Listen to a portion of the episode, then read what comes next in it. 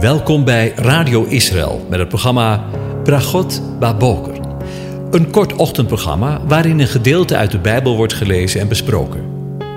Met Bragot Baboker wensen onze luisteraars zegeningen in de ochtend. Presentator is Kees van de Vlist.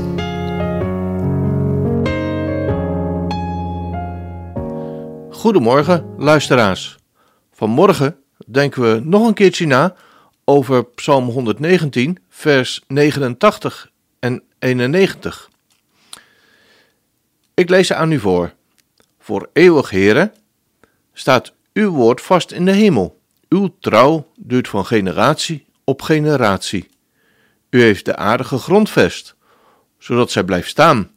Volgens uw bepalingen blijven zij ook heden staan, want ze zijn alle uw dienaren. Tot zover.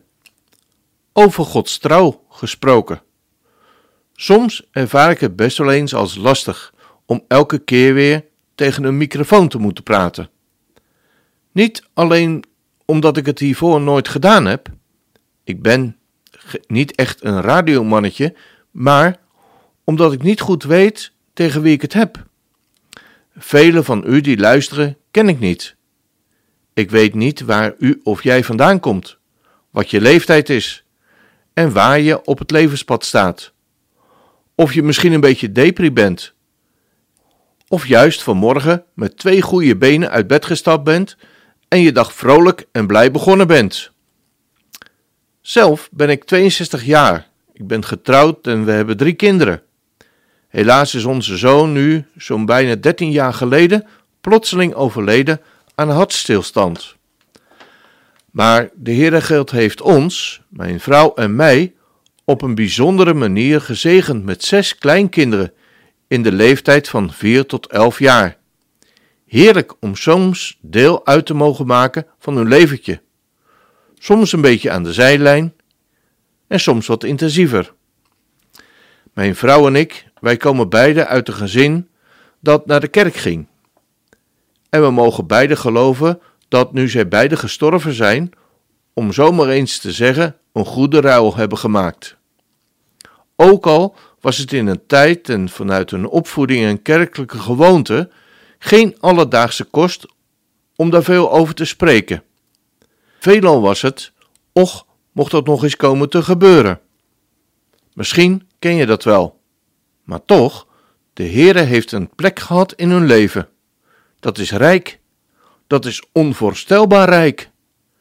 Wanneer je op een plek op deze aardbodem geplaatst bent, waar duizenden en miljoenen mensen het woord van God moeten ontberen, en jij, jij bent door de Heer op een plaats geboren waar het woord van God openging. Hij, de God van hemel en aarde, had jou en mij al op het oog, vol wij geboren waren, en plaatste ons, jou en mij, op een plek om daar om het maar eens heel ouderwets te zeggen, onder het woord, zijn woord. En we hebben met vele zussen en broers samen de Heere God mogen leren kennen. Het wordt vanmorgen wel een beetje een persoonlijke getuigenis, merk ik. Maar we worden ook opgeroepen om te getuigen van wat Hij in onze levens doet, toch? Mijn vrouw is opgegroeid als jongste in een gezin van negen kinderen. We hebben elkaar leren kennen in de gereformeerde gemeente, waar het woord van God elke zondag tweemaal gepredikt werd. Toen de kinderen van mijn schoonouders echter door de tijd allemaal trouwden en op hun beurt weer kinderen kregen, gebeurde het een jaar of dertig geleden dat sommigen de gereformeerde gemeente verlieten en naar andere kerkverbanden en gemeenten gingen. Dit tot groot verdriet ook vanuit betrokkenheid en bezorgdheid van mijn schoonouders. Nu ik wat ouder ben, begrijp ik dat wat meer. Mijn schoonouders zagen hun hele gezin uiteenvallen en alle kanten van christelijk Nederland bezoeken, van PKN tot evangelisch, tot messiaans, tot vergadering van gelovigen. Inmiddels is het dertig jaar later en hebben we als kinderen van onze ouders onze gezinnen. Soms ook grote gezinnen met elf kinderen, die ook op hun beurt weer kinderen uit de hand van de Heere kregen. Het was deze zomer dat een van de kleinkinderen van mijn schoonouders plotseling stierf. Groot was het verdriet binnen de familie.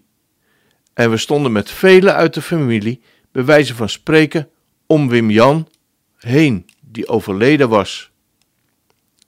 Op de avond van het condoleren trof ik zodoende veel neven en nichten aan. Van jong tot oud. En uit allerlei gezinnen.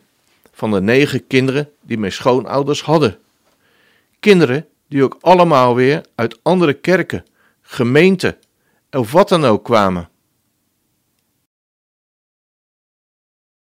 Maar waarom dit allemaal verteld?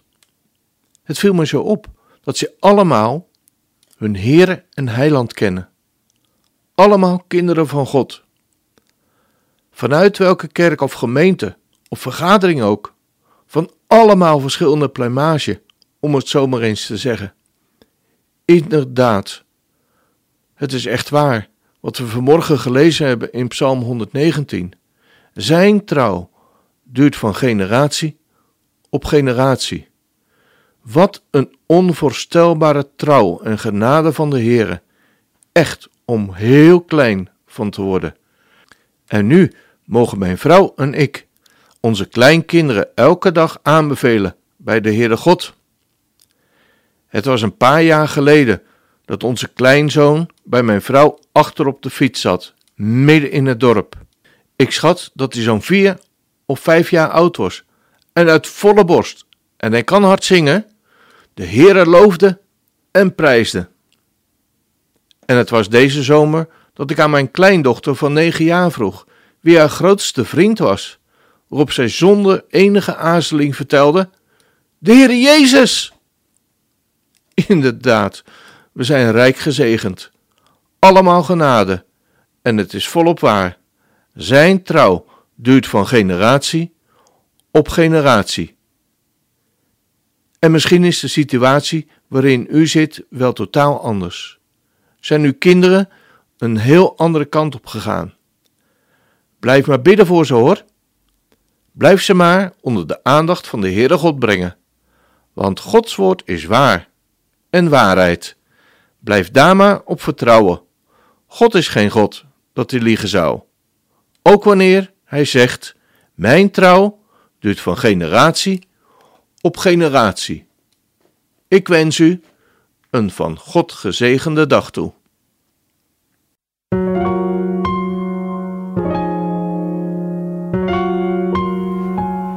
U hebt geluisterd naar het programma Bragot Baboker. Een kort ochtendprogramma waarin een gedeelte uit de Bijbel wordt gelezen en besproken. Wilt u het programma nog eens naluisteren, dan kan dat. Ga naar radioisrael.nl en klik onder het kopje radio op Uitzending gemist.